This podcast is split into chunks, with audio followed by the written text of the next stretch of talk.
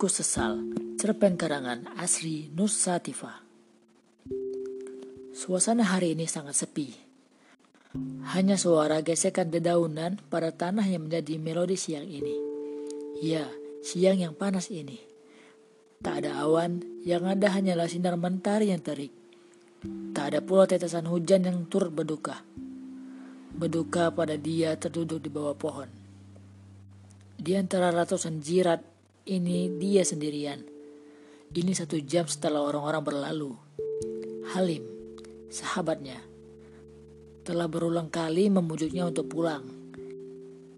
Tapi ia tetap saja bergeming. Bahkan tak mengeluarkan sepatah kata pun sejak kedatangan ke sini.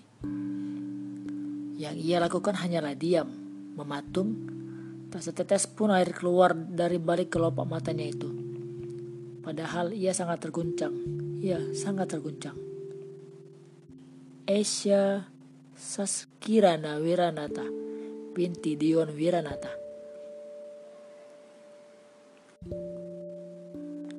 Tangannya tergerak untuk sekedar mengusap kayu yang berdiri tegak pada ujung gundukan tanah yang masih basah itu.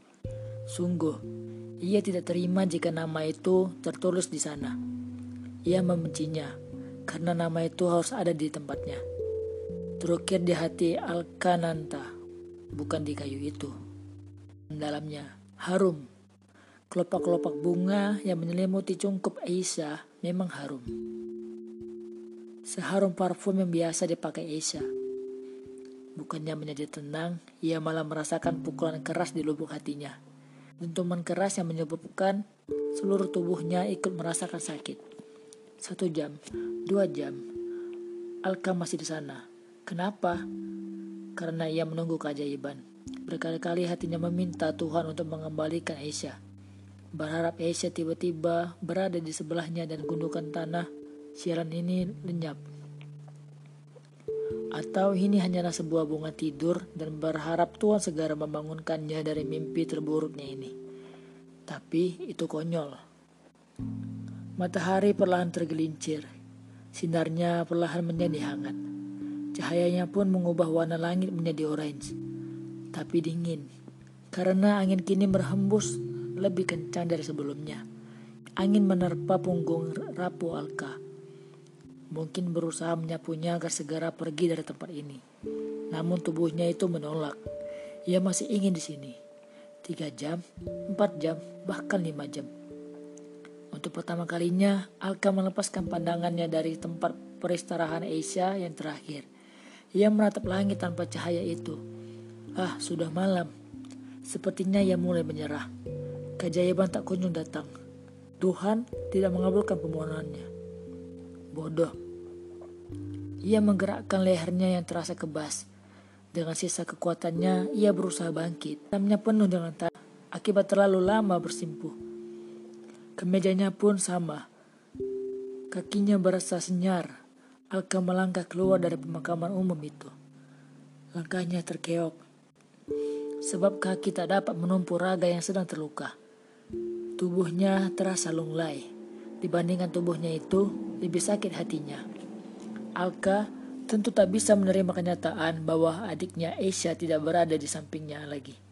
Asia perempuan yang telah bersamanya sejak lima tahun terakhir perempuan yang selalu mengisi hari-harinya. Al, di mana? Aku lapar banget. Potong rambut ya, udah panjang banget. Belum mandi ya? Haka, aku sudah sampai di rumah. Kamu hati-hati di jalan ya. Makan Al. Dari tadi kamu belum makan. Kalau hanya kamu, siapa yang mau nolong? Ia berhenti ketika otaknya memutar suara-suara Esa. Alka dapat mendengarnya dengan jelas. Ia mengembuskan napas dengan kasar. Kedua tangannya terangkat untuk mengacak rambut hitamnya itu. Frustasi, iya, dan menyesal. Kamu marah ya sama aku, tapi aku gak tahu aku salah apa. Alka, maafin aku. Jadi kamu ngerasa keganggu ya? Ya udah kalau itu mau kamu, aku sayang kamu. Alka terjatuh pada trotoar itu. Pandangannya kini mengabur. Air mata yang sejak ia tahan kini berlomba keluar. Semakin lama semakin deras. Namun itu tak pernah membuat perasaannya membaik. Tidak pernah. Ia mengerang dengan keras. Jiwanya tak mampu lagi menahan kekecewaannya. Ya, ia kecewa pada dirinya sendiri. Sebulan yang lalu, Alka menyakiti hati Aisyah. Di balik senyumnya, Alka tahu bahwa Aisyah terluka akibat perkataannya. Bosan, iya, kebosanan menyelimuti hatinya.